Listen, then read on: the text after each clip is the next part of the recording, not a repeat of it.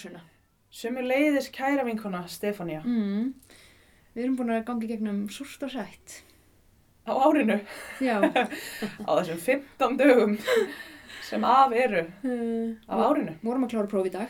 Já, til hamingi með það. Mm. Búnar að reyna einu svona áður að taka bannan þátt Mm viðmælandi okkar veður teftur á söðunisjónum Já, já, heldur betur. í þessu storma ástandi sem búið að ríkja. Þetta er búið að ræfintýri. Já, þetta er aldrei búið að ræðintri. Já. Eh, hann komst þó til byggða í dag, guðið sér lof. Já, emmitt. Kannski kynna hann bara, bara lók þátturins eða hvað? Nei, lók hérna, kynna hann Þetta sér verður, lók eh, við ætlum að sveipa hulu yfir, yfir hver viðmælandinu renni er þar til á síðustu mínútinni. Getið spólað þangað ef þið eru spennt. Nei, nei. Eh, En við erum komin hérna í dag til að fjalla um þáttöku feðra í, sem sagt, bara ummönnun barna. Já, í rauninni. Þú veist, það er ekkert eitthvað batningnaferðlega endilega, við erum búin að fara yfir það svolítið. Já, við erum svona, uh, erum fyrsti þáttur laurafsins, var, um, var svolítið um, um pappana, kannski í sambandi við meðgönguna og, og fæðingu og svona. Já. Þetta er kannski meira, meira svona þessi, þessi tími eftir á, fæðingar orlofið og þarna þessi þetta fyrsta ár og, og, og það allt. Já, emmitt.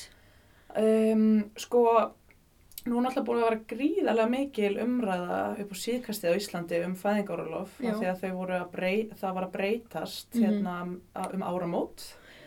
Uh, margar konur sem að sátu bara með krosslaða fætur í byrjandi fæðingu þarna á gamlástag og, og held í sér frá Já. meður hérna miðnætti. Emmitt, en það var allt vittlust á landsbytalunum, það var Já. brála að gera. Fyrsti janúar var pakkaður, Já, örglega eins og alltaf skilur ég veit það ekki. já, klára þetta bara um jólinn og uh, klára áramótinn og svo bara let's go á, á Já, fæðingavattina. svona eitthvað, að alltaf talið eitthvað og að fínt að að fæða snemma á árinu sko, þú Já, ekki aðburðar og eitthvað svona, já, já, ég veit það ekki. Nei, emmitt.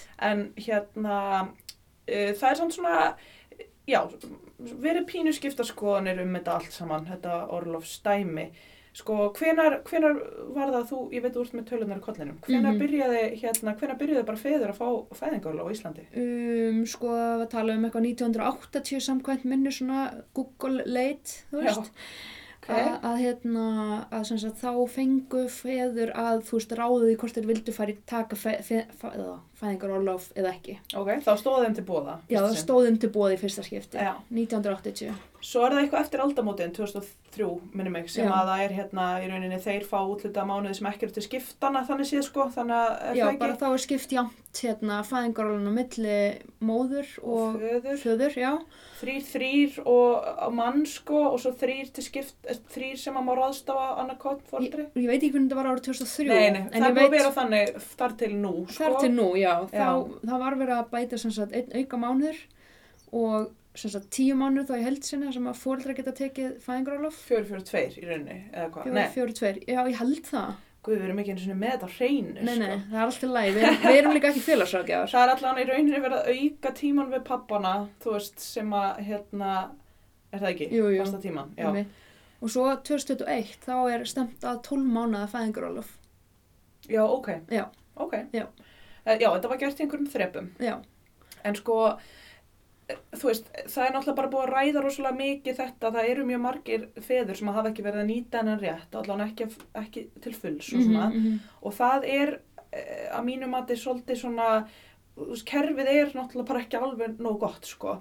Það er þessi, sko, þegar þú ert í orlofi, þá færðu hvað 80% af grunnlaunaniðinu, er það ekki? Jú, Og það er náttúrulega bara kynbundin launamunur, það er staðrend. Já, allavega það er, það er launamunur, þú veist, algjörlega Þannig á að milli kynjana. það er oft svolítið þannig að ef að, ef að fjölskylda, fóreldrar taka ákvörðun um að faðir fari í fæðingarlof, þá eru þau að taka á sig eitthvað að bara tekið í skerringu Algjörlega. sem að margir mega bara ekki við Mhm. og hérna þannig að það, það hefur oft verið svolítið svona lenskan, veit ég að þú veist kannski taki pappin bara jafnvel sumarfrí þegar barni fæðist Já. og er þá heima fyrir í tvær, þrjá vikur eða fjórar eða eitthvað Mhm. og síðan eigi hann sína þrjá mánuði eða hvað hann tekur inni þegar kannski mamman er búin að klára sitt Mhm.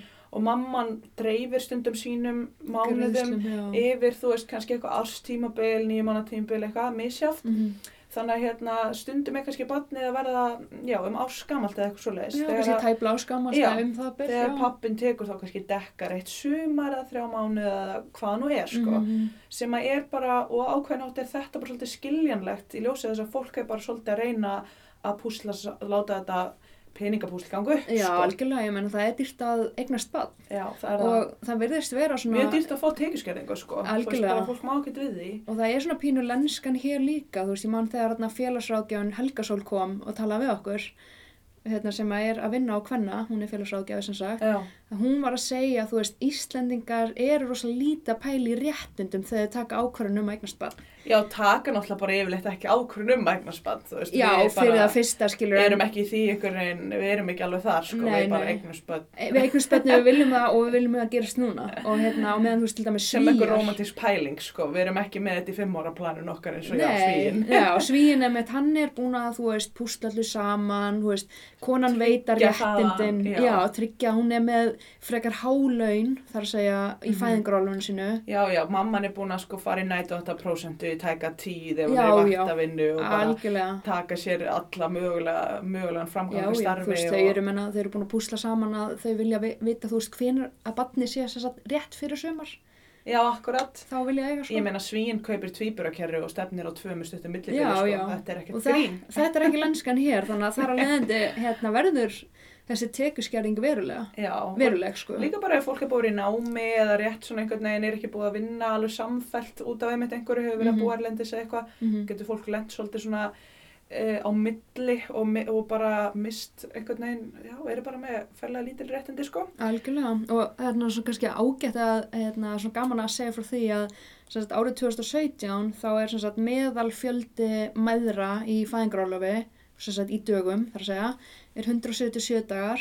Ok, 177 og hérna, feður eru á meðaltali 76 daga já, Þannig að það er verulega tölvöld mikið. er tölvert mikið bil sko Já. og ef við ræðum um bara svona með tilliti til, þú veist, ummönuna hlutverk þá, þú veist, er batnið að mynda sín fyrstu tengsl náttúrulega út frá brjóstakjöfunni, við verðum náttúrulega að taka, fram það, taka það fram að brjóstakjöfun hamlar kannski svolítið, Já, bara einhvern veginn þáttöku feðra Já. eða skiluru að því gefnu að það þurfa alltaf annar aðalinn að vera að vinna, þú veist, algjörlega, að þá er, þú veist, það er bara, hvað, alþjóða heilbriðismálastofnun eða embætti landlæknis og hvað maður getur að kalla þetta sem að bara mæla með brjóstakjöf engangu til að byrja með og með öðru í allan eitt ár og eitthvað, Mhm, mhm. þá er náttúrulega mjög ólógist að, þú veist, konur fá ekki eins og eitt ár í fæðingorlof, veist, Nei. hvað er það að gera? emmitt, Og þú veist, en það er náttúrulega gaggrinn er kannski bara svo að þú veist, akkur fá bara báði fóreldrar ekki að vera saman lengur, þú veist, Já. og samt fá viðunandi tekjur. nákvæmlega, Það er náttúrulega kannski einn stóra gaggrinni, en eins og þú segir að þá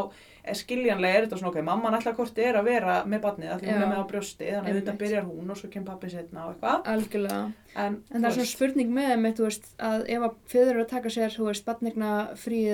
að um eða yfir eitt ár, veist, þá er veru búið að mynda svo ofbúslega sterkt tengsl við að móðurinn sé bara umönnuna aðil inn. Algjörlega, og þú veist, þegar að þáttaka feðra kemur þarna setna, þá, þá er svo skiljanlegt að, veist, allt sem að ræður um feður að þeir sé óryggir og, og móðurinn standi þarna fjörðu vaktina að vera komin aftur í vinnu og allir hafa samband og einmitt. þarna, Já, þetta er svolítið, það er bara svo mikið í við geðtengsl barsins og svona sem að það byggir upp á sínu fyrsta ári. mm og við vorum að skoða svona, þú veist, út frá einhverjum rannsóknum hvað talið er að, hvaða áhrif það hefur, hvaða góð áhrif það hefur að, að fadir ná að taka sér, þú veist, uh, lengra fæðingarólof með barni sínu á fyrsta ári, erum við Mhm. þá í rauninni að tala um. já, já, Og það er bara, þú veist, eitthvað svona alveg verulega jákvæð og styrkjandi áhrif á bara þroska barsins, þú veist, fadirinn er líklegri til þess að hérna, taka bara almennt meiri þátt í lífi barsins, þú veist, setna til lengri tíma, já, algjörlega, þú veist, hann er líklegri til að, hérna,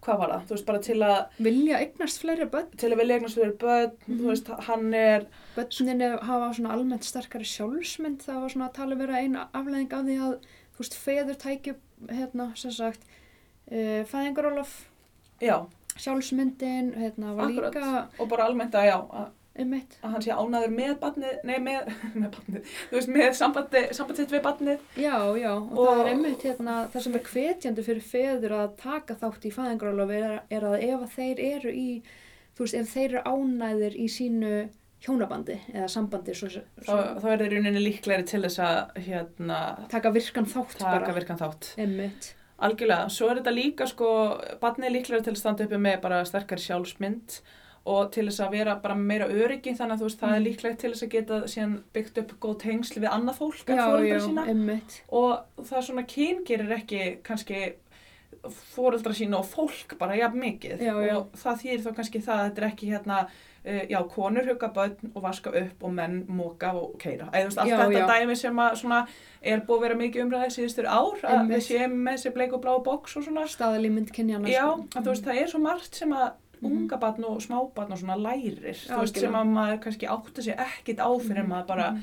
er með svona barn í höndunum og þú veist bara hvað þau í rauninni eru að fá djúpan skilning á alls konar hlutum þó þau séu bara einhverjir óvita sem mun ekki muna Algjörlega. eftir þessu og svona eitthvað. líka þú veist, þeir myndu börn myndu leita jafn til beggja fóreldra hvað var þetta huggun Mér finnst það að vera svolítið svona áhugavert af því að Mhm. þú veist, eitthvað svona að hann algjör mömmu stelpa, þú veist, Mhm. barnið mitt er algjört mömmu Mhm. eða þú veist, eitthvað þannig Akkurat. þú veist, ef að feður taka virkan þátt í ummönnun barna og uppeldi fyrsta árið, Akkurat. þá skiptir það einhver máli hvor, þú veist, Nei, hvort, hvort barnið leita til hvað var þar huggun, sko. Akkurat. En sko, við vorum svolítið að ræða um þetta áðan, við Stefania, að þú veist, einmitt, að kannski e- ein hindrunin af því að, einmitt, að við búum bara við þennan veruleika að papparnir séu bara algjörlega og linn til að byrja með, er, er þetta með kerfið okkar, veist, það er bara einmitt, gerir ráð fyrir að annar sé að vinna og út af eins og ástæðum er það því miður bara, já, það er bara of pappin og svona hitt er kannski líka á ákveðin hátt bara kúltúr, menning. Mm að þú veist, við, þú veist, við þannan, við búum við þannan veruleika í okkur samfélagi að þá svona náum við kannski ekkert mikið að, þú veist, það er ekkert marga fyrirmyndir til staðar, þú veist, í þessu, í að vera bara all inn í þessu umönnunar hlutverki með smábatn og þú veist, allt þetta. Er þetta ekki meina feður? Karlmenn, já, karlmenn, feður. Einmitt. Þú veist, þannig að á ákveðin átt þá líka, Skilum maður að þáttöku feðra er í raun og veru skert út frá því að það bara skortur á fyrirmyndum. já, bara þú veist, þegar maður er hérna kona og eignar spanna, þú veist, þá bara ósverðátt dettur og bara þú poppa bara svona inn í, bara þeir eru aðdæðinni alls konar eins og við hefum Mhm. rætt í öðrum þáttum, bara inn í mömmugrúpunar og það eru mömmumotnar og mömmu-crossfitið og Mhm. allt þetta dót og allt morandi í öðrum stelpum í sömu sporum og þú svolítið svona Umræðan er já, þannig. menningin er þannig bara, ég minna óhauði hvort maður er badnið ekki, bara allir sömuklúpar eru bara undirlegaðir í öllu þessu spjalli og Mhm. þú svolítið svona einhvern veginn, nærið bara fóta þig vel Mhm. með öllum hinum mömmunum og eitthvað, en það er ekki að sama fyrir, fyrir pappana, Alls ekki og þetta nær líka bara langt, þú veist, aftur í tíman, ég menna, ungar stelpur eru að passa börn, Einmitt. strákar eru ekki að passa börn. strákar eru líklegir til að hafa bara jafnvel aldrei skipta blið að halda Já. litlu badni, þú veist, þeir eru eignast badn Algjörlega, það er svona margt sem að spe, bara svo ótrúlega Já. rót gróið menningun okkar að, að þú veist, kallar sér ekki umönnun aðalar. akkurat Sem að meðal annars sjást bara í hjúgrun og ljósmöfræði, þú veist, ef við Akkurat. bara út í þann pól.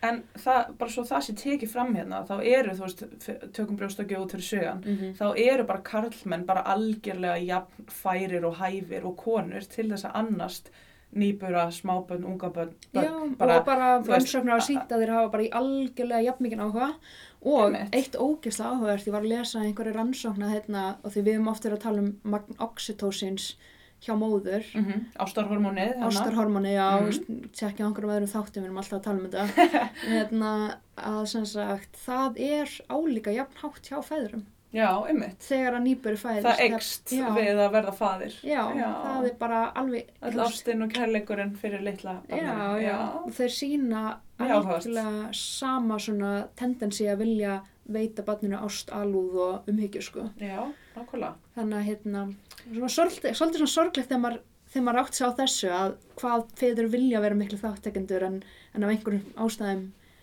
býður samfélagi kannski bara ekki upp á það Nákvæmlega.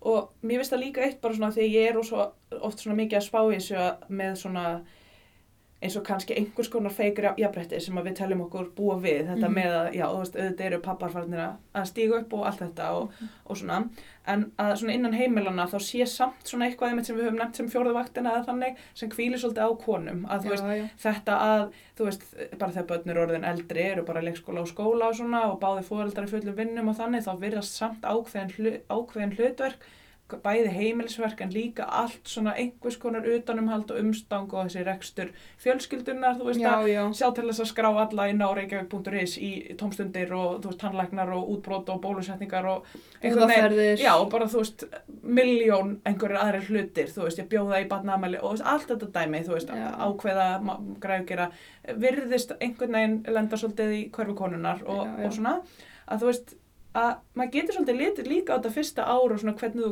kickstartar, þú veist, þínu bara Batteríi. fó- batteríi, Já, já, já. heimili, fóröldarhutverki að þetta lítur það líka svolítið að leggja grunninn að því hvernig síðan bara hlutinir þróast Já, algjörlega. að þú veist að, hérna, að það sé kannski svolítið, svolítið svona skemmtilegt þú veist, ef maður er í þessum spórum að vera svona nýri í þessu að, Mhm. að reyna svolítið að kannski augra þessu þú veist Já, að já. leifa þessu ekki bara því að svo skilum maður alveg á 15 árum síðar er bara, bara einhvern veginn rúlar fyrirtæki áfram og, Og og, mamman er hann einhver já. sjálfskeipaður fórstjóri og framkvæmtastjóri og þú veist bara já Óhjákæmilega. og, þú veist, veist. og, faðurinn með einhvern veginn minna, minni framtagsemi eða minna sjálfströst og þú Já, veist, já.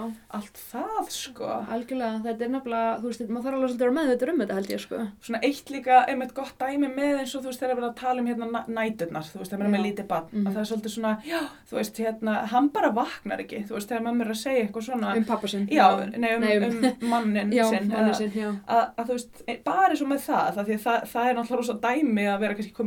Að, og vera alltaf að taka næturnar þú veist, ég meina þú getur alveg átt alveg stál, aðeins stálpa badd sem er ennþá svolítið svona eitthvað að vakna á nóttunni og eitthvað, Mhm. tullu mm að auðvitað er það ákveðin ákvörðun að taka næturnar eða ekki veist, Ég meina ef, ef að fadir er einn með batni sínu yfir nótt, það skal lengir segja með það að hann rumski ekki Einmitt. með batni sitt. Þetta er bara svolítið svona ef að þitt hugafar er þannig já það er hérna kona minn við hliðin á mér og hún mun alltaf taka skilur stígu upp þegar að batni umlar að þá auðvitað sef ég bara djúft en ef þú, ef þú veist að þú ert á vaktinni þá ertu með hérna einhvern veginn, ein- bara annað eirað opið skilur Algjörlega. Þannig að þetta er líka eitthvað svona sem að fólk getur svolítið bara ákveðið að búa til eitthvað já. Er sanngert að sé alltaf annar aðilinn sem að sér um all þessi atrið. Einmitt, einmitt. Hérna, gaman kannski að segja frá því að það þekkist rosa sjaldan, þú veist, í öðrum löndum að það sé jafnt, þú veist, jafn þáttaka fó- beggja foreldra, já, beggja kynja, þú veist, í raun og veru. Það er í raun og veru bara, hérna, tveir staðir sem ég fann eitthvað um það já, og það voru auðvitað, annað heimalandi mitt, einmitt. eh, eða hitt heimalandi mitt kannski, það frekar. Og svo er það annars vegar ein, ein, einhver eiga sem ég hef bara aldrei heyrt um, Malenesia í Kyrraland, Kyrrahafinu. Við skulum alltaf farast þangað og kynna okkur. Já. Aðstæður. En það er svolítið svona, pældi hvað, þetta er bara tvö lönd. Já, veist, akkurat. þetta er lítið. Og ég held samkvæmt einhverju tölfræði sé Ísland nú bara þokkur nokkuð framalega sko hvað, Já, hvað að varðar. Já, bara Algjörlega. meiri segja hvað var það Norðurlönd og annað sko. Algjörlega. Svín með sína tvíbarakerur. Samt sem nákvæmlega. aðeir á ekki við trompum þá. Nei. Þannig að við ætlum að, erum hérna að fara að taka viðtal, spila viðtal.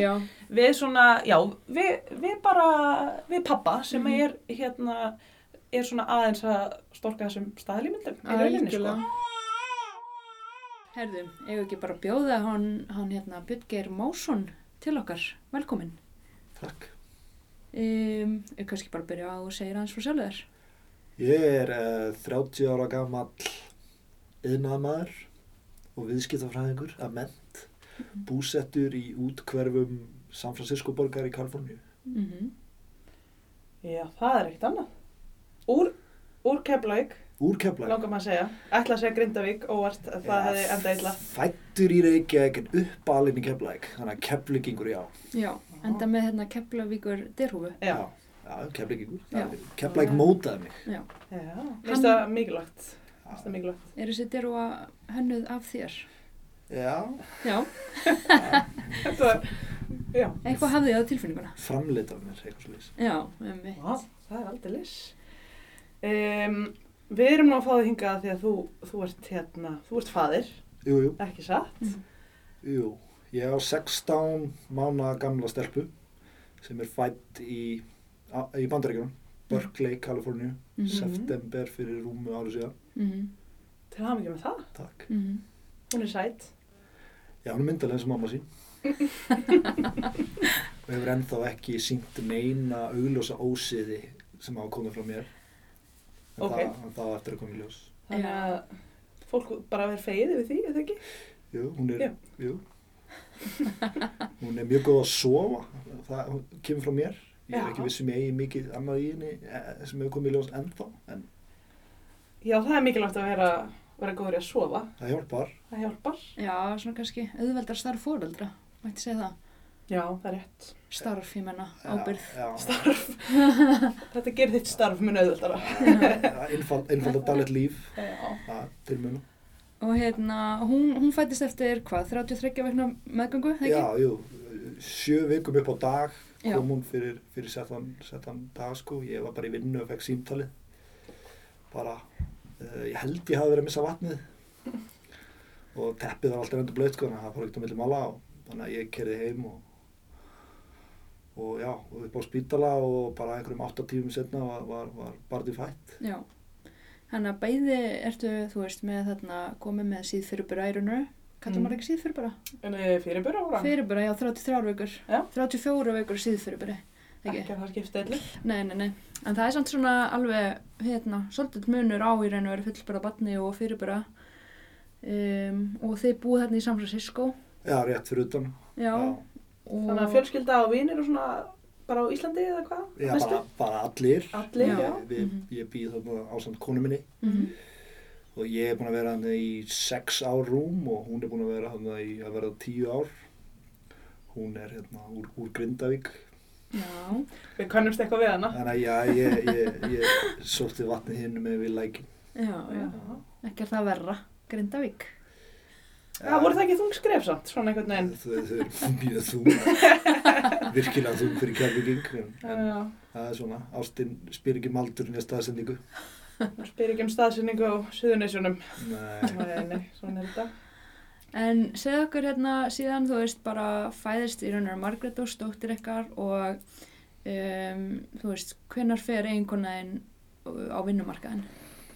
Hún fæðist þarna lók september, setnilegtunni september og við komum svo til Íslands rétt fyrir jól, hvað, 20. og eitthvað desember sama ár og meðan við erum inn á Íslandi þá byrja kona mín að vinna aftur fljótlega eftir áramót eh, svona byrjun í janúar fyrir hún að vinna svona 50% starf, hún svona býr að því að hún getur veru unnið hvar sem er Mm -hmm. þannig að hún fór bara að vinna hérðans og já, semst eftir hátegi þegar morg, uh, þegar komið morgun hann út í Kaliforníu þá erum við að taka tölvuna á símtölun og e-mailin og það.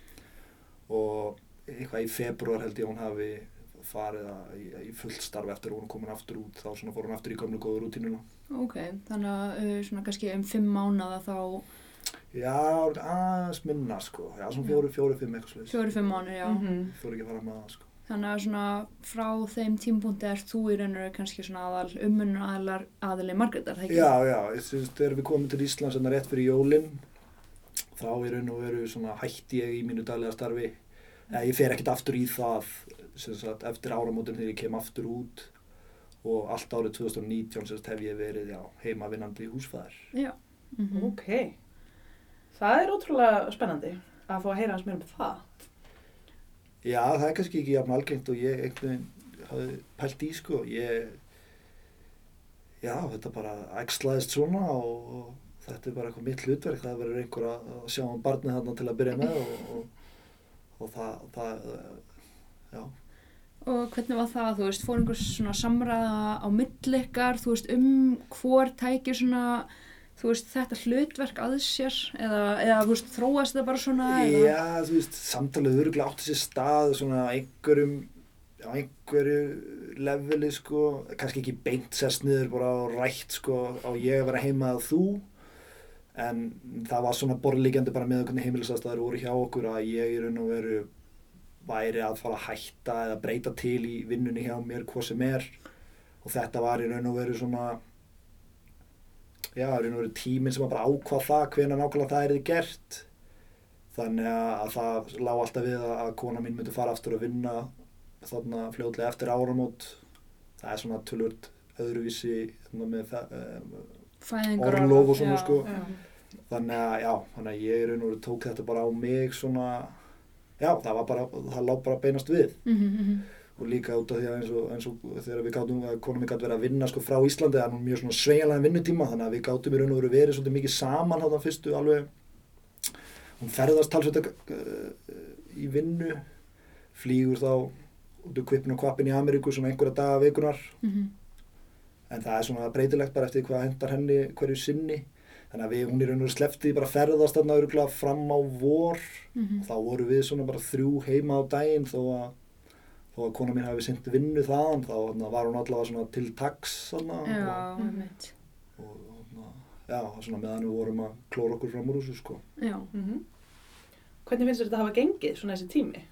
Koma dóttiðin í gegnum fyrsta árið Gegnum og fyrsta rúmlega árið, það? já, ég meina, hún þarna- er ekki komin nein ör en eitt svona sem að mun fylgir í gegnum lífið sem að við munum geta tengt við þetta tímabila sem pappi passaði þarna fyrsta árið sko. Uh, það bara gengið í raun og veru bara líla vel ég sko. Þetta er náttúrulega ég, þetta er mitt fyrsta barn og ég er svo sem aldrei pælt mikið í því hvað felst í því að uh, koma barni í gegnum fyrsta árið sko. Þannig að þetta var bara svona spila eftir eiranu Ok. og já, bara ég hef aldrei skipt um bleiðu áður sko, hún fættist en þú veist, ég Varst ekki fljóturinn á því?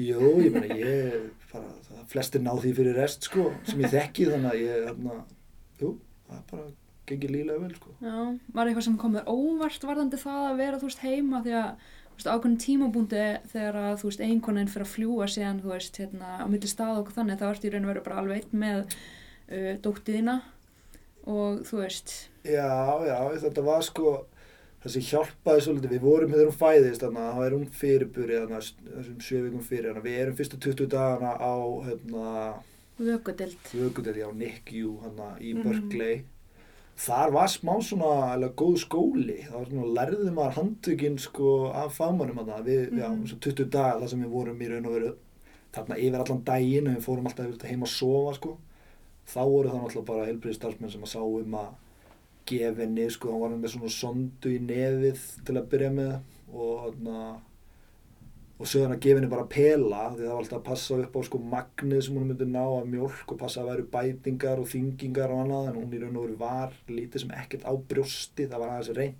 en, Mm -hmm. en, en, en pelin var fljótlega fyrir valinu og hún tók hann bara vel þannig í raun og veru var maður þarna bara undir handleyslu fagmanna og, og Mm. lærði í raun og veru sko meiri sér að skipta um bleiðu þar hálfpartinn sko Mm -hmm. hún var alltaf lítil sko, hún var hérna tæpar átta merkur þegar hún fæðist Mhm. einhver 1920 grömm Mhm. þannig að hérna, þetta var voða lítið og brotætt sko, ég var svona hálf smegur um að bara taka hann upp hann til að byrja með sko ég, hérna, ég, ég gerði mig grein fyrir að það myndi gefast nægu tími til að gera það setna á lífsliðina en ég var ekkert fyrsti gæðin til að grípa hana sko Nei. og hérna, en, en svo lærið maður að fylgdist með og fjaska og síðan fóðum maður að gera eitt og eitt lítið skref og, og endanum áttu maður allar bleiðunar bara sjálfur sko Já. Mm Mhm. mm.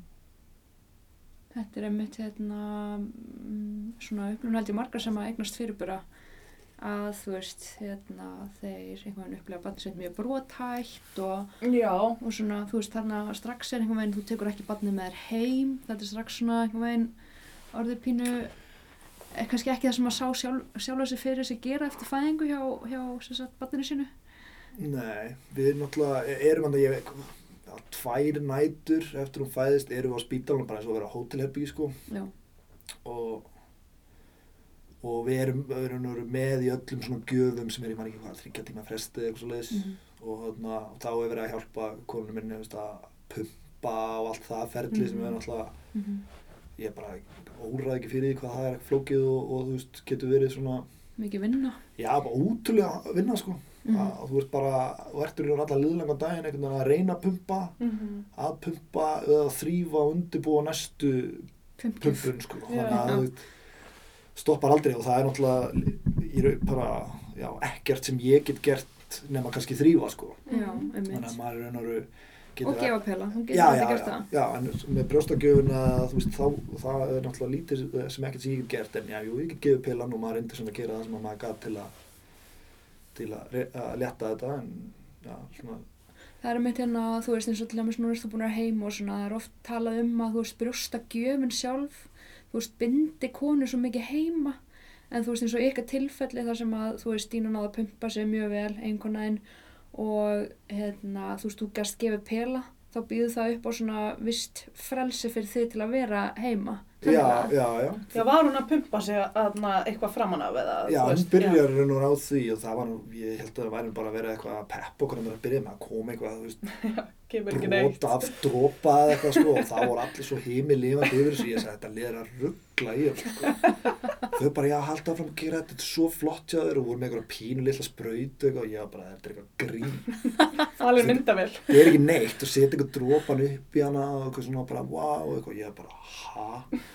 En svo bara, fór það að ganga betur og betur og, og hérna, það var bara, við vorum með aðganga pumpuðan upp á sjúkrahúsi og annað og, og fengum að taka með okkur heim einhverja pumpuðana og það var bara unnið í því þar til að það var raun og orðið bara gegn mjög vel og svo fór bara að frista umframbyrðin og annað. En það var einmitt þegar kona mín byrjaði að ferðast aftur vegna vinnu þá hann var hún alltaf með aðstöð hún er alltaf flög alltaf til Los Angeles sem er eitthvað klukkutíma flög þarna og, og sem sagt já, kunninina þar, þeir voru bara með svona brjósta gjafar herbyggi Já, já. þar sem að hún var meiri segja sko með bara pump og allt þar til staðar Já.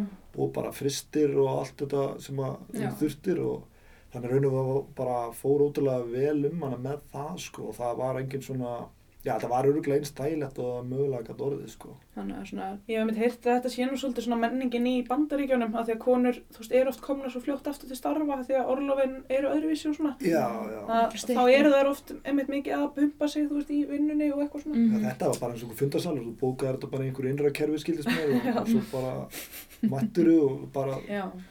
það var bara sama pumpan á spítalunum sko einhver svona yðnaðar yðnaðar pumpa sko Já. þú veist, og bara á einhverjum, einhverjum hérna, hjólum sko.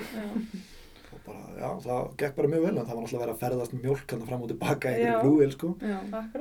Til og frá einhverjum fristum sko og kæli bóksum og, og, og öðru sko. Já, hitt og þetta. Margt sem það er að pæla þegar maður er um bann. já, ég, þetta manni það veist, alveg langt bara marga mánu, þannig að það er að pumpa á mótnana og svo þarf að pumpa árið fyrir að sofa og, og þess að milli hann ákveðu oft sko og en þetta er heljarinnar, heljarinnar skipula og prógram í kringum þetta Já, það er bara byrjast að gefa eitt svona, hvað að segja, algjör álagspunktur fyrir konur, margar skilur. Já, þetta er ótrúlega vinna sem að maður getur ekkert gert sig grein fyrir ef að maður, einmitt, hefur ekkert verið í kringum þetta Nei. verið partur af þessu neitt. Mhm. En Nei. hérna, þú veist, þegar hún er að fljúa þarna út, þá ert þú náttúrulega stattur þarna einn með Margréti. Þú veist, hvernig upplifur það að vera allir stattur einn, þú veist, Já, það er náttúrulega, ég, svo sem man ekki eftir einhverju augnablikið að mér hafi þótt að eitthvað undalegt sko. Það er náttúrulega bara gerist það sem að ég fór úr því að bara vera kannski já, hafa bara aldrei haldið á barni, hvað þá, eða þú veist, unga barni, bara yfir í það að, hérna, já, þú veist, konar mér byrjar fyrst að ferða sko, á flýgurinn á modnana til Los Angeles frá San Francisco og kemur svo heim á kvöldin. Þannig raun og veru hún var að fljúa hana, kannski fimm á modnana og koma heim svona sjö á kvöldin. Og hérna, og þá var bara algjörnundur mér komið að komast ekki einhvern daginn enn á milli og, Mhm.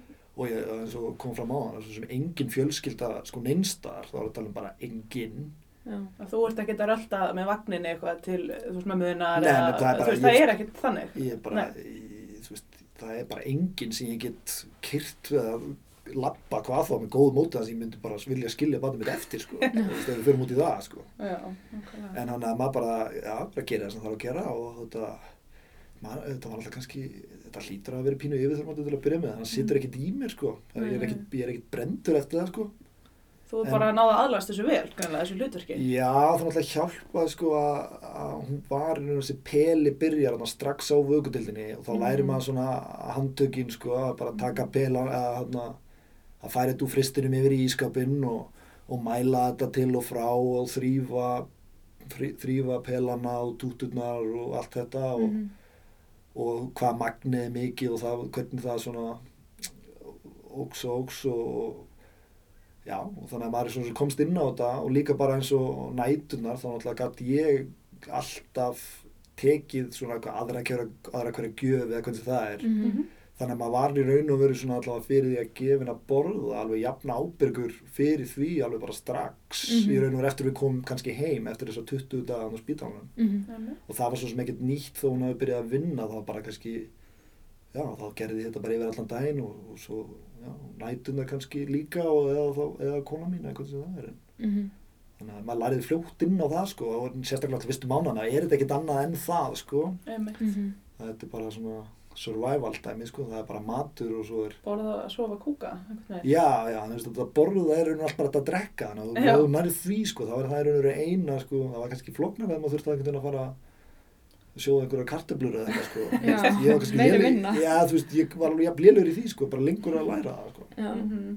Að En þú veist, þú núna ert að segja um þetta, hérna, þú veist, það er bara að þú gast ekki farið til mömmu þinnar, þú gast ekki einhver beint farið í heimsóknar öll þarna og þangað og, þú veist, upplifir einhvern tímann bara svona móment af því núna veit maður að mæður heima í veist, sem að eru bara hér á Íslandi jafnvel og hafa aðgang að fólki, þú veist, að tala um svo rosalega mikla félagslega einangrun.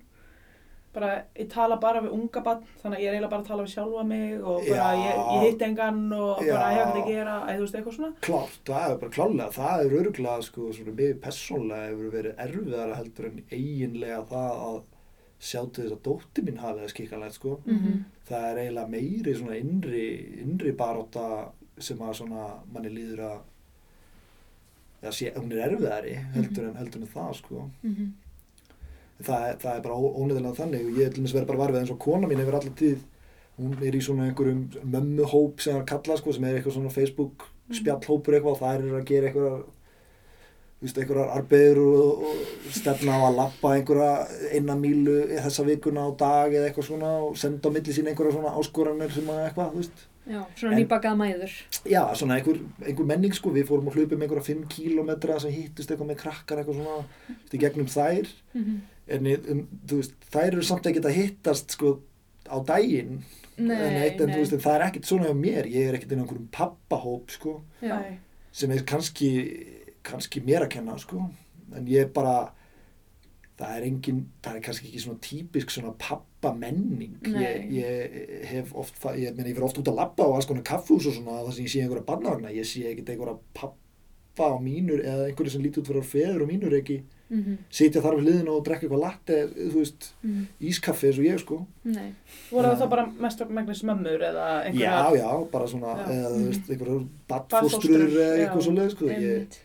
Ég sest ekkert niður og sé einhvern sem lítur út eins og ég sko, sem er alveg jafn svona confused og ég að, að drekka ískaffi með barnavag sko, sem ég geti verið sestur hliðinu og verið bara, já, já, það yfir þér? þetta. já, þú veist, það er ekkert, það er ekkert þannig sko, ekkert sem ég get svona samsvara með með beint þannig að Nei. það, það er kannski það er kannski vantar eða þú veist, maður hefði kannski átt að fara meira það, ég veit það ekki en Já, maður getur alltaf alveg ímynd sér að þú veist, að því núna bara, þú veist, ertu búin að vera með dóttinni, hvað, 16 mánuði heima, eitthvað slíkt, að þú veist, þetta er náttúrulega bara þitt líf, rosa mikið, að, þú veist, hún er svo mikið hluti af þínu daglega lífi þetta er svona viðfangsefnið bara Þetta er viðfangsefnið. já, algjörlega. 100% og þú veist, eins og með þessa mömmu hópa og tala um, að þú veist, mæður þarna hafa rosa gott færi á að, þú veist, deila einhverjum svona pælingum og vangaveltum og almennt bara spjalla um það hvernig er að vera heima með bann, þú veist, á meðan þú kannski mitt hefur það ekki. Já, ég er- bara, er bara spjallandi við sjálfa mig í höfðinu, sko. Í, í raun og veru. Já. Já.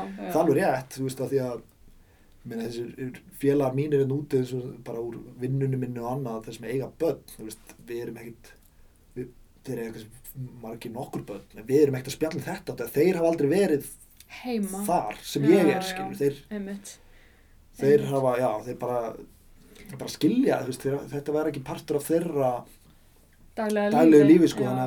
Til lengri tíma kannski. Já, við erum ekkert að spegla okkur í því, sko. Mhm. Þannig En eins og félaginn á Ísland og svona, eru þeir, eru þeir með börn og, eða þú veist, heldur þeir þekkja þetta eitthvað frekar? Já, sko, ég veit að, já, þeir eru eiginlega allir hérna minn svona nánasti hópur eða Mm. allir, eru eru með- allir með börn sem svipuð reki. Mm. Uh, en þeir eru nú veru, það átti enginn eru nú veru af þeim börn þegar ég flytt út fyrir sex ára síðan. En í raun og veru hef ég ekkert verið í svona daglegum samskiptum allavega svona, svona face to face eftir að þeir eignast börn. Þannig ég er nú veru kannski, ég veit það ekki beint. Mhm, en, mhm. en hérna þannig ég var svo sem aldrei þar eitthvað þegar sem þeir voru að ströggla að skipta um einhverja bleiur þar sem að ég kannski átti ekki batn og, ég, og veist, við vorum að hanga saman og þeir með batnið sitt og einhvern veginn að reyna að ráða fram úr þessu Mhm. en ég svo sem uppliði það aldrei í gegnum vini mína þannig að ég raun og hafði aldrei séð strögglandi faðir að að hitta mjölk á veitingastað staðar sko. En það er náttúrulega líka, einmitt, þú veist, maður, það er hægt að spyrja sig að því að e, manni finnst þetta ekki mjög algengt eitthvað akkurat, að faðir er bara að taka á sig hérna, þú 16 veist, mánuði. allt þetta og Já. svona eitthvað, að það er kannski af því að það eru lenga fyrirmyndir, eða þú veist, maður einmitt fer ekki ja, mikið á kaffehús og er að sjá þá akkurat þarna og bla bla bla, þú veist, alveg þeir taka orlof og svona, en það er oft, með, oft einhvern veginn í styttri Já, tíma ég og, er er þrýr og oft alveg í byrjun þegar að fóreldarnir eru saman í orlofinu og Já. æ, þú veist, oft svolítið svona annað í Mhm. gangi einhvern veginn, sko. Svo er oft verið að tala um svona að mæður eru pínu að fjárstýra, þú veist, feðrum, þú veist, Já, svona utan einhvern veginn og þú veist, það líka dregur úr náttúrulega sjálfströsti hjá pöppum að eh, Já. sinna barninu sínu þanniglega. maður, maður hefur oft svona svolítið orðið var við það að, þú veist, mömmur, jáfnvel þá þess að kannski komna eftir vinnuna eða eitthvað, eru svolítið að, það er alltaf verið að ringja þær eða senda þeim skilabóða heimann og tjekka og þú veist, bera undir þær, hérna, mm. hann Mhm. svaf svona og hvað þá og með Mhm. mat og, æ, þú veist, og þær eru svolítið svona eins og þær séu bara fjárstýra, Já. sko, öllu. Ég heldur endur að þetta gangi báður áttir, þú veist, bæði Já, þeir að leita og þær eru mögulega með svona Já, vantraust. sannarlega, Já, sko. já. Já, ég við þetta, Ég, ég, meina, ég skil það svo vel, ég sko, Já. ég verð nú að hrósa konun minni með það að hann að ég, ég, ég fekk svo sem ekki mikið að svona spurningum beint, sko, ég meina, ég var kannski frekar að senda bara svona einhver brot af, af beinum, sko, til að sína hvernig, þetta, hvernig eitthvað gekk eða hvernig það er, náttúrulega, því Mhm. það er alveg eins gott fyrir hana líka að fá að vita Já, og auðvitað. gaman að því. Vera með, fylgjast með. Já, en við náttúrulega vorum svolítið mikið annað saman þó uh, þegar sem hún var svona heima að vinna, annarkort er hún bara raun og veru heima að vinna þar sem hún var raun og veru alltaf til takst og hún sé kannski á fundum og hana, þá svona sér hún alveg hvernig svona dagurinn fer fram en þegar hún er ekki það þá er hún, veist klukkutíma flugi í burtu og gistir Já, þar já. á hóteli sko, það sem að Mhm. raun og ekkert sem hún getur gert Einmitt, einmitt. Og þú þarf bara að ráða úr sjálfur. Já, já, það er í raun og ekkert sko, ég er svo sem, svo sem það sem þið voru að ræða áðan með hvernig þetta er hjá öðrum sem ég svo sem þekki ekki alveg því ég fyrst alveg, ég var alltaf bara ekkert að pæla í því þegar ég kannski hefði geta komist að því, sko, en þú veist þá bara já, þannig að sko munurinn er, ég svo sem skilða alveg að sé kannski mikið svona samskipt á milli eins og þessi svona hálfgerða fjárstyring er náttúrulega held ég út af því að, að þegar að feðunar eru með barnar það er svo rosalega stuttan tíma Já, þú veist, þetta er kannski svona bara eitthvað svona eftir hádegi fram yfir kvöldmatt eða eitthvað svona, veist, einmitt. þú veist, Algjörlega. þetta er bara svona 12 tímar kannski eða eitthvað svo leiðis að það sem að já, það er kannski myndast ekki svona almennlega rútína, þú ert bara svona að lifa af þennan tiltekna dag og hann er ekkit. Aftur og aftur og aftur Mhm. ítrekað það sem að Mhm. eins, þú Einmitt. veist, þannig að þetta er Svona svona aðlinn sem að ver, þú veist, svona megnin á deginum með badnið verður einhver sérfræðingur bara í rútinunni hverju sinni. já, já, já, Og þá er hann svolítið að rapportera á hinn einhvern veginn allt sem að er í gangi bara eins og þú sért að setja badnið til pössun þó að auðvitað síðan hjá fóreldra sínu og eitthvað já, já, það er alveg svolítið svolítið sem mér, ég meina það var rútinan var að ég sem skapaði rútinuna eða ég allavega Mhm. sem að svona las í hvernig rútinan er og, og var og hvernig gekk best og að reyna að viðhalda því Mhm. og svo þegar einmitt kona mín er með dóttur okkar og ég fer eitthvað þá var það hún sem spyr kannski mig. Mhm. þú veist, með eins og með eitthvað svona svefni eitthvað svona því að veist, ég sé all trendin svona Mhm. til lengri tíma samfleitt heldur en hún og þá er það líka bara upp á það hana, að vera ekki að ruggla eitthvað í kerfinu og við frekar að spurja til að reyna að viðhalda þá sama minstri Mhm. Algjörlega. og hana, já, til að, til að bara að, það sem að vel hefur gengið að vera ekkert að hræra í því að óþörfu sko. Já, nákvæmlega. Það er, er lógist. Það er miklu algjörlega sens. Já. En núna ertu að tala um, þú veist, þegar þú ferð síðan, af því núna ertu búin að verja bara það miklum tíma með dóttuðinni. Þú veist, hvernig er það? Þú veist, færði einhvern svona, þú veist, eins og marga mæður sem að fara í fyrsta skipti frá barninu sínu, fá bara einhvern svona algjörn aðskilnað að kvíða, þú veist, einhvern veginn, veist, einhvern svona, þú veist, komur óvart eitthvað, þú veist, vann það að fara? Nei, ég upplifði það svo sem aldrei sko. ég uh, ég man bara að hún var stelpa mér og svolítið gömul í raun og þegar ég fór eitthvað í fyrsta skipti þá fór ég hvað var ekki, ætla ég ekki verið í mæi eða eitthvað svo, þá var hún hvað, 7-8 mánu þá hérna, sendi konu mig mig á, hérna, á tómleika bara, semst, annar staðar í bandarækjana sem ég fór með félag mínu bara í flugi Mhm. og hérna, ég man að hún sagði mig segðan frá því sko, að þá átti hann svo á því bara, wow, ég er í raun og veru núna alein Mhm. með hana í fyrsta skipti Mhm. eitthvað sem ég, er að, sem að ég var búin að gera sko margoft Mhm. oft kannski svona þrjá daga vikuna, aðra hverja viku þrjá, fjóra daga Mhm. þú veist, Bara einn. já, bara aleitt sko, yfir, hérna, yfir nótt og annað, veist, Mhm. þannig að en þá, en um helgar og svona, þá var ég alltaf annað þó að hún hafi þá kannski ákveðið að Mhm. að eða deginum með henni og fara eitthvað, veist, Mhm. að gera alls konar Já, hluti, gef- gefa þér kannski svona space til að já, gera já, eitthvað bara svona annað. helgar þá get ég farið Já. að gera eitthvað og slæpast sko, en þá var það alltaf bara yfir svona daginn Mhm. og svo hittust við bara um kvöldin og, og, og barnið svaf heima hjá okkur sem við vorum bæðið til taks en þarna fór ég í fyrsta skipti og þá heldist held ég svona smá yfir hana bara, úf, ég hef ekkert, þú veist, það af svona litlu smáatrið sem hún er ekkert pælt endilega í Mhm. sem að þykja svona sjálfsögðu hlutur eða mann finnst vera sjálfsögðu hlutur en svo einhvern veginn ef maður er einn á báti þá er þetta ekkert svo sjálfsagt sko. Svona alls konar einhverjir, einhverjir litli hlutir til að hugsa úti og hugsa fyrir og svona eitthvað. Já, bara eins og að, þú veist, svona rútínan mín er svo að pakka í svona skipti tösku, sko. Það er svona ólíkar aðferðir, sko, að ég er svona, ég sko, proaktiv, sko, ég vil alltaf passa að séu til að auka föt og, þú veist, ef ég nota bleiðunar á fylli á það, er bara þegar, þú veist, ég kem heim og svona, þú veist. Já, í staðin fyrir að vera að setja í hana, sko, og ákveða hvað vantar í hana, ég reyna, sko, að hafa alltaf leiðið tekið eitthvað úr, þá setja það í um leið, þannig að taskan sé alltaf tilbúin, í staðin fyrir að fara að gramsa í gegnum og reyna að finna hvað vantar, þú veist, Mhm. og alls konar svona bara svona í raun og veru bara svona venjur sem að sem eru bara misjant milli manna sko. og Mhm. það var stundur svona smá það sem að mér fannst þetta að vera svona en, en öðrum fannst þetta kannski að vera eitthvað hinsegin og þá allt í hennu var engin með auka samfellu sko því ég held hún væri en það var búið að taka hana úr og veist, eitthvað svona smáttur í sko Þetta er náttúrulega bara rosa fyrirtæki að reka, sko. Þú veist að, einmitt, sjáum að lagarinn sé klár og, já. þú veist, eitthvað og, og svona þú veist, bara ef maður er eitt þú veist, að fara út í búð og kaupa eitthvað svona eins og eftir að maður byrjar að borða mat þú veist, ef maður á ekki eitthvað badnamat eða eitthvað mjólk eða eitthvað svona Mm. ákveði eða það bara eitthvað borða fyrir mig já, þá verður þetta alveg svona þetta er alveg smá þetta er alveg smá sko production að bara fara út í búð já, Þú hoppar ekkert bara eitthvað á töflunum. Nei, menn, ég býð á þriðju að ykkur í fjölbinshúsi sko, þar sem ég er að stöylast með hana niður, hérna, niður stegan og fara út í búð og taka hana úr og ræsa einhverja kerru og Já. vagn og alls konar dót og til að fara að kaupa eitthvað smottir í og maður var fljótur að fljótur að hérna, að vera góður að vesla í matinu svona þetta því að maður lendi þessu einu sinni tvisvar að, að, að klikka á einhverjum svona smáatur og átt að maður segja þetta er ekki þessu virði að fara í 50 mínútna mission verkefni, verkefni að því að það vantaði eitthvað eitt sem að bara glemdist þannig að maður verður höldi, maður verður skilvirkur ég skal við ekki það. Já, Af því að Það er, þetta er náttúrulega eitthvað sem er auðvöldra að græði ef að þú veist, þú veist konaðinn eða hinn aðalinn er alltaf mættur síðan á einhverju tímpúti heim en er ekki, er ekki ferðalagi eða eitthvað.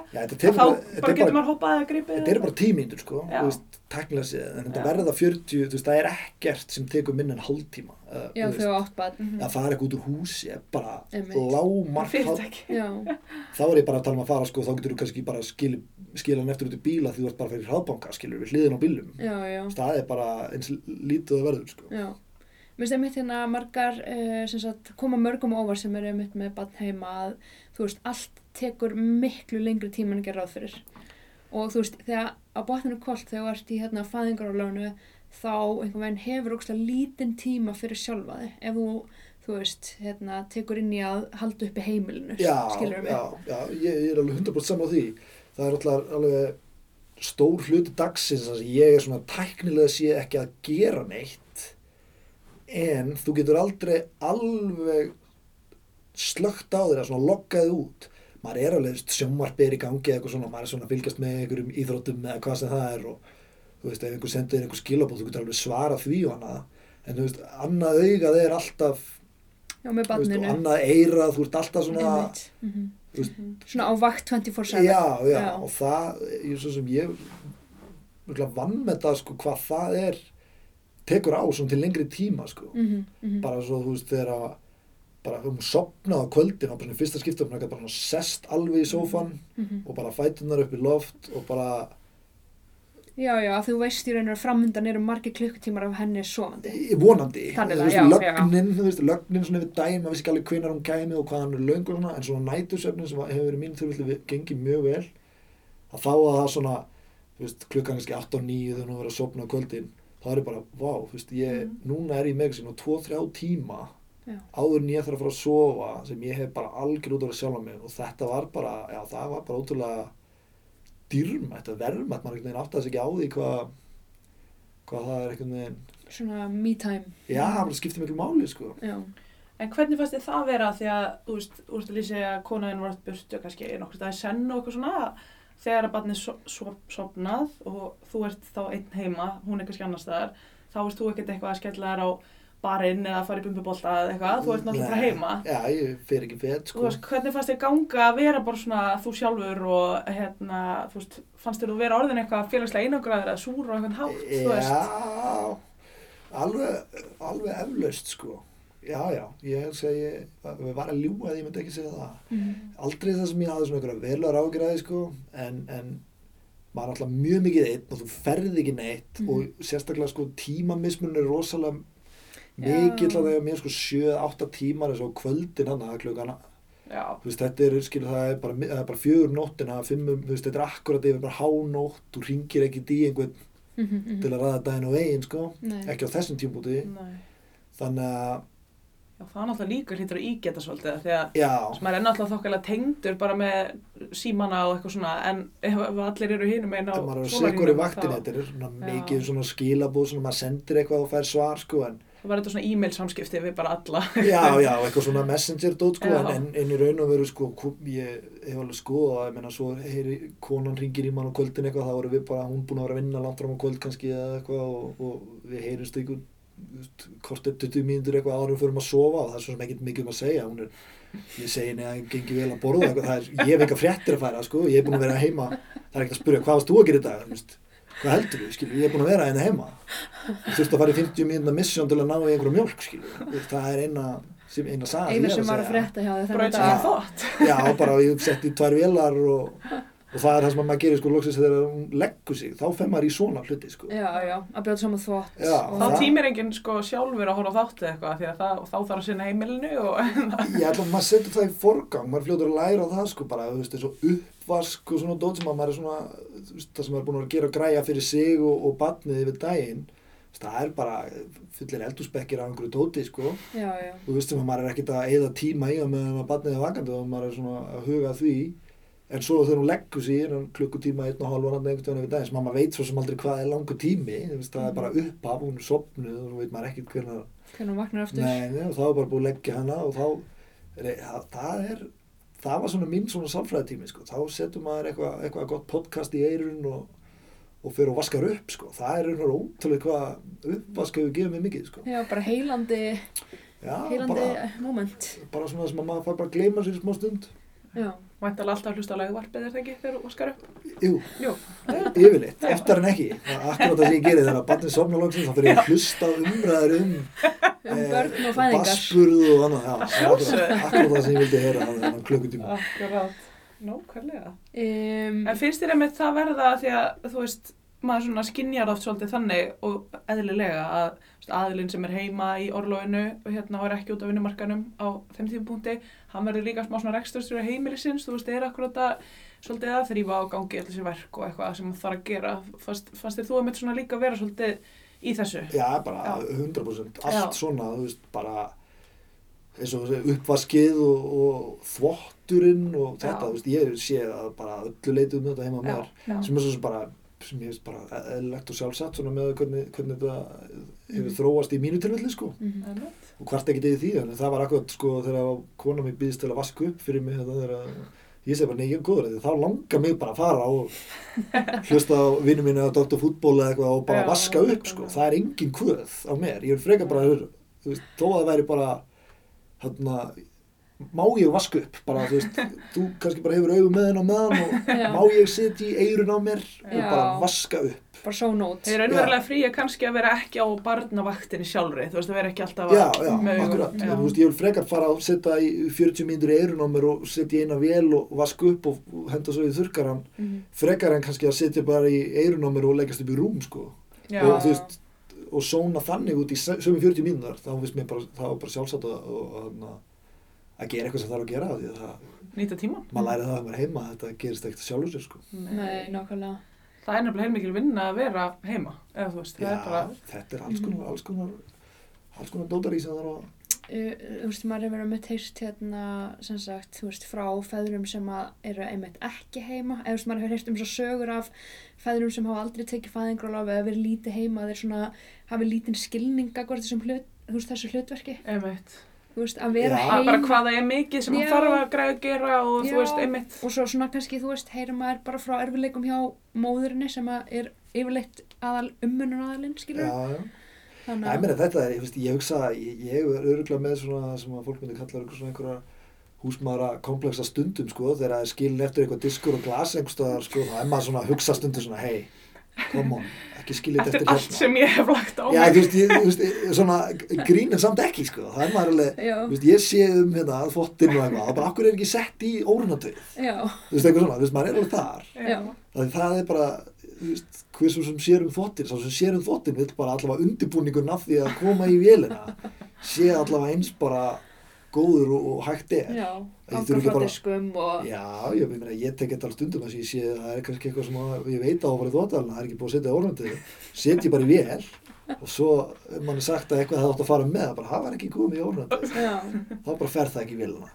Skilju, þetta er bara öll þessi. já, Þetta eru klassískir bardagar. Já, já, þetta eru bara bardagar sem hafa verið háðir á heimilum bara. já, fyrir batspurð, eftir Á, batspurð, já, já, bara þú verða háðir áfram, sko. En þú veist, ég verð bara viðurkenna, ég veit ekki hvort það er eitthvað sérstætt fyrir mig, að þú veist, mér finnst bara mjög svona hressandi og það næri alveg aðtöklega minni að heyra bara einhvern svona, einhvern bara gaur vera að segja alltaf þessar hluti, að því mér finnst þetta bara þrátt fyrir að við séum á í eitthvað 2020 að tala um allt þetta að jafnbreytti og þú veist að feður eru búin að stiga upp og eitthvað, þá er samt eins og þetta sé eitthvað svona svolítið ferst að heyra e, bara, þú veist, pappa vera akkurat í þessu öllu, sko. Já, ég, meina, ég er bara 30 ára gammal maður með derhú og buksunar á hælónum ennþá, sko. Ég, Mm. þú veist, er ekkit svona típiskur heldur með hugsa bara þessi þannig er pottit heima að sjá fyrir barni, sko. Þú, að ert ekkert í tefa sandalunum bara og búin að ganga nei, eitthvað nei, alveg. Ég, ég, er, er ekki, ég hugsa ég sé ekki þar, ég að fólk myndi ekki lesa þetta í mig, horfandi á mótu götu sem er bara gott og blessað sko.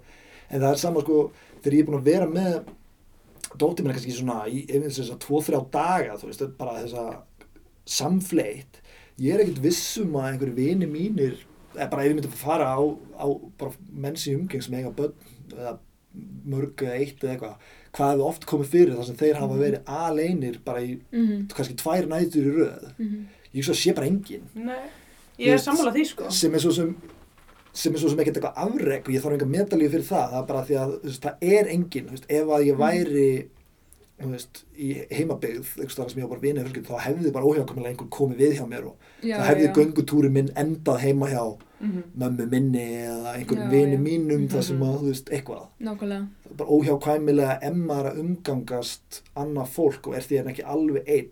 Já. bara í mínu tilfelli þá er það bara það er bara ekki bóði Og þú veist, jafnvel þó akkurat þú ert einn og svo langaði þig að fara hérna einmitt á þorrablótið eða eitthvað, að já. þá hef, væri það svokkalega svona kannski bara, já, vill hérna mamma þín bara taka nætupössun eða eitthvað, þú veist að Mhm. ofta er það alveg auðvelt að koma því við þó að maður sé einn með barnið, en Já. þú ert bara einhvern veginn einn og stóla bara þig alltaf, Já, ég meina, hann bara nýlega fór ég bara tómleika hérna eins og úti og þá var bara, þú veist,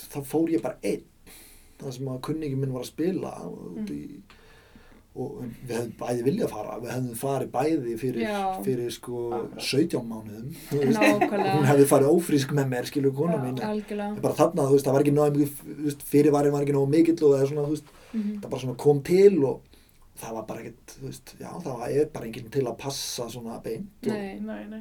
En þarna, við eigum svona eitt, tvo góða að þarna úti sem að hún geta bjarga okkur í svona í svona neyðartilfelli. já þú veist svona þrygg, þú veist, þryggja mánuða fresti eða eitthvað. Já. já, og þess að maður kannski líka að vera að byggja fólk sko um að passa, þú veist, svona barni, það er mér finnst það bara ekkert sjálfsagt sko. Nei, mér finnst það bara alls ekki. Nema, en, en, en á sama tíma þá höfum við reyndar sko, hvað, ég held að við séum koma til Íslands í fjóruða eða fymta skipti síðan hún fæðist og, og það er náttúrulega, ef maður kemur til Íslands þá er náttúrulega algjör umfram eftirspurn eftir, eftir viðveru hjá barninu hjá Já. ömmum og öfum og, og frændum og frængum og öru þannig að, þannig að, já, ég bara En þú þá ekki bara einhver hauslur hæna í sundi bara, veist ekki hvað það gerir ég skil, skil barnið bara eftir einhverju, maður reynir bara að passa að allir fái sinn skamt af henni sko, að maður sé ekki, þetta sé ekki alltaf einhver staðar að lenda á einum afanum en ekki hinnum eða hvernig það er sko, þannig að, þannig að þá, þá fer maður og hittir mennina og, og gerir það sem þarf að gera. Barinn. ég skammast mér ekkit fyrir það og gerir það með hreinni saman sko. já, ég held að enginn sé að dæma fyrir það, Nei, sko. nei, ef það er svoleið, þá megum við bara halda því á maður. Hvernig er það, þú veist, þegar ert síðan að hitta vinniðina eins og hérna, er einhver, er einhver svona, er einhver áhuga til staða fyrir þessu hlutverki hjá þér að vera, þú veist, Nei, þetta er bara, þetta er kannski eitthvað rætt sko, en ég held að sé ekkit, ég finn ekkert fyrir að margir sé eitthvað brjálar að leggja þetta fyrir sig sko. nei, nei, En, ok, þú veist, sem einhvern svona starfsfyrir sko, en, en, en, en minna, til skemmri tíma þá held ég að, þó ég bara vita ekki, þá held ég að það gerir þetta nú allir ef að, ef að, ef að þess þarf. En, en, en í mínu tilvilli þá er þetta, þetta er bara svo, þetta er svo rosalega svart hvít sko, það sem að, það sem að, já það sem að er svo lítið, ekkert stuðningsnett, lítið sem ekkert, Mhm. að þá verður þetta svo rosalega svart hvít sko, að maður er bara, bara, og ert al-einn, þetta krossar ekki neitt sko við neina umgengni við vini og vandamenn sko, Já. þá, þá verður þetta svona rosalega skýrt sko. Mhm. Mælur þú með þessu? Myndur þú mæla með þessu við aðra pappa? Já, ég meina, þú veist, já, alveg hygglust, ég, mér finnst ekki að þetta er í raun og veru, það lengi, meina, ég, það, þetta er ekkert vesinn fyrir mig, að verið heima eitt ár samfleitt með dóttir minna, þetta er bara langt frá að vera einhver, einhver byrði á mér, sko, Mhm. og ég meina, ef ég hugsa það líka, jú, ég hef getið komið inn fyrir í hjá dagmömmu eða eitthvað og verið einhver stór að vinna, þú veist, sótt hana klukkan fimm og eitthvað, þú veist, Mhm. ég alveg vilja hafa þetta svona, sko, þetta er raun og veru forréttindi. Já, Mhm. að vera heima með barninu Já, ég meina ég er bara búið að því að, að geta lift mér að vera bara ekki á einum hefðbundna vinnumarkaði Mhm. og verið bara he, verið heima hjá mér Mhm. með dóttur minni og ég veit þess að hefur komið fram að kona mín er mikið heima þá eru við bara þrjú yfir daginn svona í sama rými og, og, þú veist, borðum hátegismat heima og, Mhm. og kvöldmat og veist, erum mikið saman og höfum verið að ferðast helling og svona sem að ég geta gert út að ég er ekki líka í svona 8-5 vinnu Mhm. þannig að við þurfum bara að vinna í kringum vinnu áallinu hjá konu minni en ekki okkur báðum til að, að finna einhvern, einhvern frjálsam tíma til að gera eitthvað og ég meina hún hefur verið að vinna í Los Angeles og við höfum farið oftar en einu sinni sem hefur bara kyrt þangað saman, þetta er einhver fimm tíma eða eitthvað, kyrt þangað og flóið og þessum að þá erum við bara á hótelinu og þá erum Já. við, við dóttir mín bara að skoða Los Angeles í staðin fyrir að skoða San Francisco og Já. maður er svona alls konar svona Já. bara að reyna að nýta, nýta tækifærið og aðstöðunar til að gera eitthvað sko. Það hljóma bara, veist, eins og þetta hafi mjög marga kosti í för með sér. Já, já, hygglust, hygglust og að þá fólki finnir kannski svona áhugaverðar að spurja út í sko þessa einveru og, og að, að ganga í öll störf, þú veist, ég vel mér ekkert hvað ég vil gera. Þú veist, þegar það er búið að kúka í bleiuna þá skipti ég um hana eða enginn, Já. þú veist, þetta er ekkert eitthvað svona ah, veist, ég nenni ekki núna Nei, þú veist, nei, þetta er ekkert, Það er bara að Það er lúta. bara það sem þarf að gera fyrir barnið og já, þá bara gera það. Já. og, og það er akkurat, þú veist, maður er mjög fljótur það kemur mjög fljótt bara sem að maður er ekkert eitthvað að fresta einhvern svona basic hlutum hvort sem það er þvottaðilega, þurrkari eða kúkablega sko, veist, þetta er bara þetta er bara, já, ég meina, mm Mhm. barnið er veist, það er ekkert þó hendi mér ekki, það er bara Það bara skiptir engum máli. já, ég meina, ég, þó ég sé að keira bíla þá er ég bara að tegja mig aftur í og setja pelan upp í hana eða eitthvað, þú Mhm. veist, ég verð bara að finna út úr þessu Já. eða stoppa út í kanti og, eða hvernig sem það Já. ekkert Hvernig það, þú veist, eins og núna til dæmis, um, uh, sem sagt, heyrir maður svo oft, þú veist, einmitt pappin að passa eða þá það er einhver pappi sem er, þú veist, mjög duglegur að taka þátt í umönnum badsins, þú veist, þá er alltaf svona, er svo duglegur. já, Þú veist, færð þú Svona eitthvað... mönnum er svolítið, ham, þú veist, já, Já. þeir fá aðtegli bara Já, fyrir já. að gera það sem maður þykir sjálfsagt að mamma geri. Já. Það er Já, svolítið. meina, þetta fólk máli ringi mig og rosa mér sko. Færðu mikið á rósum, myndir þú segja? Já, já, eflaust, sko, bara fólki, þú veist, fólki í Ég meina, við erum að ringja hérna í þig og fá því þá. já, já, já, já, fólki finnst þetta áhugavert allavega og, og, og, þú veist, að því þetta er kannski ekki svona þetta típiska en, en, þú veist, ég á ekki að fá einhverja medalíu en stað, sko, þú veist, þetta er bara, þetta er bara svona í mínu tilfelli og kannski Mhm. oft er þetta bara á, á hinvegin, bara með kynin í, í lók dagsins, er þetta bara Algjörlega. sama dæmið, sko. Já. Finnst þér eitthvað svona vegið að þinni kallmennsku að vera hérna í kúkablegunum og upp á skilju? Nei, nei, alls ekki sko. Þetta er bara, Er þetta ekki nýja kallmennskan? jú, ég, ég skal taka því ef svo er. Já. Kallmennska eða eitthvað annað, mér er alveg sem Mm. hvað er kallað. Þetta þarf að gera og, og hann Skiptir ekki máli? Hvað gera ég, ég, ég gera það með glöðu geði sko. Já. Og mun bara, ef ég tækifæri, mun ég gera það aftur vonandi ef að tækifæri gefst. Já. Geggjað. Já, Er þetta það. bara, bara góð lokaorð? Jú, er það ekki bara? Já. Er eitthvað svona lokaorð sem þú myndir að taka fram? Nei, bara, ég hvet alla veður til að taka þátt í öllu sem því þarf að gera í kringum uh, uppbeldið á eigin barni. Þetta er bara, Já. þetta er ekkert allt skemmtilegt, þetta er ekkert allt ykkur snild, sko. En ég meina, þú veist, ég hætti neglunda minna núna þegar maður er að kafa einhverjum kúkablegum skilur en þannig að ég bara Ég held að dóttin sé bara ansið heppin að að, hérna, eiga svona flottan pappa og flotta fóreldra. það eftir að koma í ljós, við kannski spilum þetta nokkur ár og Já, það er kannski eitt sem ég langar að spyrja er hérna varandi þú veist eins og tengslamyndin og náttúrulega samt ertu kannski ekkert með samaburð á því ef þú hefðir ekki verið svona mikið heima með henn en er eitthvað sem þú svona skinjar varðandi ykkar tengslamyndina því að þú veist það er alveg þannig að að tengjast meira þú veist þeim umuna sem sér al, algjörlega um þau eða þá Já, ég meina, ég er náttúrulega, þú veist, kona mér segir alltaf sem einhver pappastelpa, sko, en, en það er svo sem, ja, óhjákvæmilegt, það sem hún horfir framann í mig alveg heilu hálfu dagana, sko. mm En svo aftur móti núna, eins og við erum á Íslandi, þá er ég svolítið svona bad cop, sko. Út af því hjá mér eru reglur og rútína Mhm. og ég skapa hana, núna eru á Íslandi og þá lappar hún áraðu Það er ekkert í bóði heima á mér, sko. Þú veist, ég, bara ákveðin tímúti þá á bara að vera að leika sér og gera hitt og þetta Þú veist, það er ekkert, hún ræður ekki öllu sko, nei, en þegar að ættingjar og vinir loksins hitt hana, þá gera, fær hún allt sem hún vil sko, Mm. þannig að ég mun svo mörgulega þurfa að súpa segið af þessari Íslandsförum leði þegar aftur út að koma, Aflæra þessa ósiði. já, bara að koma reglu aftur á, á hlutina sko. Auðvitað. Auðvitað. Já, mér langaði líka að spyrja um áðan, ég glemdi því, að þú veist, þegar maður er svona alveg óhagðið einmitt hvort þú ert ka- kallaði kona eða hvað, að þú veist, að vera svona í fæðingarlega að komast ekki um daginn þegar þú ert svona einn í bandaríkjunum. Ertu, þú veist, að búa þér til einhver svona, einhver svona mission innan dagsins eitthvað, að ætla að fara hérna og þú veist, bara svo ég sjáu framann í eitthvað annað fullur fólk eða Já. gera eitthvað, eða þú veist. Já, þú veist, maður þarf alltaf oft bara að útræta eitthvað fyrir sjálfan sig og, og, og heimilið, en þú veist, maður er mjög fljótur að ég var mjög fljótur átt maður að, rútínan hjálpar mér rosalega mikið. Þú veist, ef ég veit ég þarf að gera eitthvað á morgun, ég þarf að fara að keira eitthvað sem kannski tekur, þú veist, einhvern klukkutíma, sækja eitthvað, hvernig sem það er, þá bara þurfum við vöknum, þá bara að borða, þú veist, morgumat og bara skiptum bleið og bara farið út, bara kannski leiðu búin að borða til hérna, ok, það er eins langur tími í næstu máltíð og mögulegt er. Nýta tíman. Já, þú reyna að fara þá og kannski með ná að gera og græja einhverju hluti, sko, og koma kannski bara aftur heim í svona safe spaceið, sko, áður en ég veit að bleian er orðin pissfull eða og, hún er aftur orðin svöng eða eitthvað, þannig að maður svona reynir að vera svona, svona klókur með að skipulegja daginn til að einfalda þetta, mm. að, vera ekki að flækja þetta óþörfu, að vera einmitt fastur í umferð og vera ekki búin að borða einhver staðar, sko það er óþarfi og þú getur alltaf séð fyrir á einhverja álagstíma í umferð annað að vera þá allavega ekki með gamla bleiðu og, og látt síðan að borða þær sko. þannig að þú veist maður er bara að vinna sjálfu sér í hægin Mhm. og það, þú, ja, það er líka kannski það, þú kemur ekkert heim og, og amma og afi, amma nennir þú að þú veist, hún er svöng já, þú- já, nákvæmlega.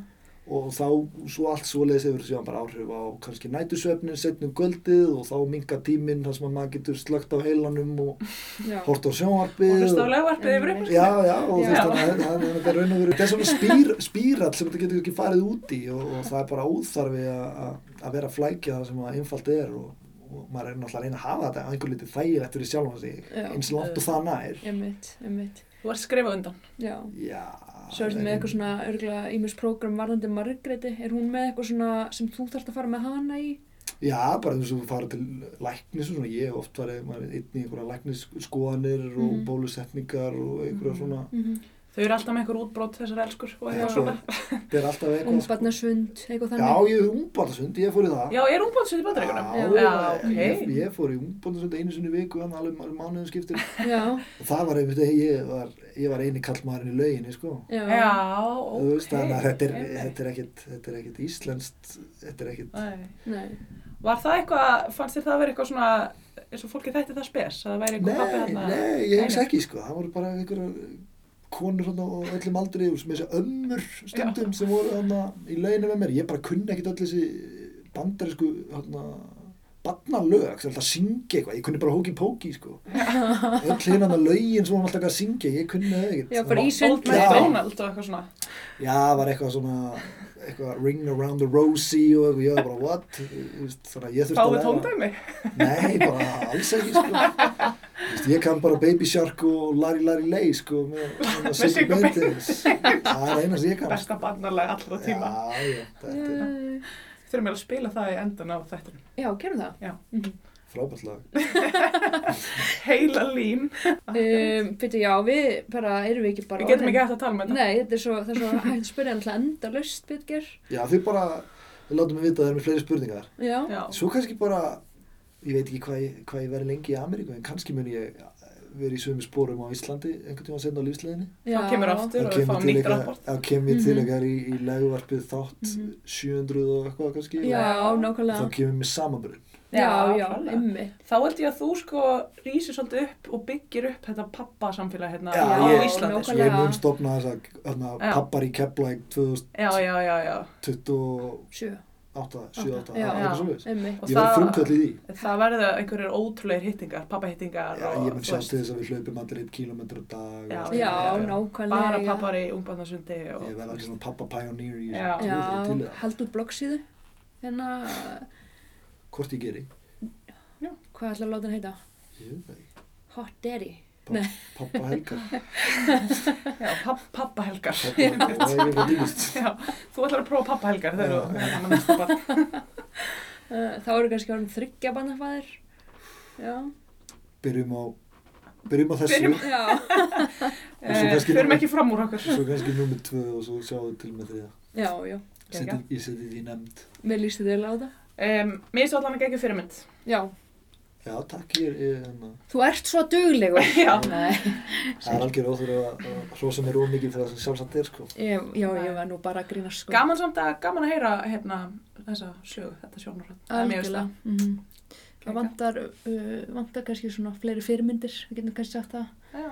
Og þú ert algjör fyrirmynd. Já, ég, ég, ég veit ekki alveg, hann er gallið með þetta, maður veit ekki alveg hvað maður á að finna fyrirmyndinar, sko. Nei, Mm, mm, mm. Því Þú það ert að búa þér til. Það er allir bara í þessu, hei, á sínu eigin heimili, sko, og það er kannski það sem að er eitthvað gallið við þetta, kannski þá sérstaklega kallamegin er að menn, sko, bú ekki til vettvang til að í raun og veru hittast og, Mhm. og fara yfir þetta. Konunnar eru duglegri í því Já. að hópa sér saman og þó það sé bara til að vera í kringum aðrar konur í sömu sömu stöðu Já. og börn í kringum önnur börn og svo framvegis að að það er það sem kannski kallanir klikka á er að mér finnst sko bara vinkonu mínar sem er í fæðingorlu verið bara upptegnustu konuna sko. Þær eru bara í fóreldrabótnum í kirkjunni og mömmu crossfit og Já, ég, einhverjum mömmu hitta, hittingahópum og öllu þessu drasli sko. Já, ég, ég, er, ég er laus flesta daga vikuna. Já, þannig ef einhverju statur í San Francisco þá ætlum við að láta heimilsvang fylgja með og Já. bara þið bankið upp á Svo að ringi í mig. Já, gækja, bara takk fyrir komuna. Takk fyrir mig.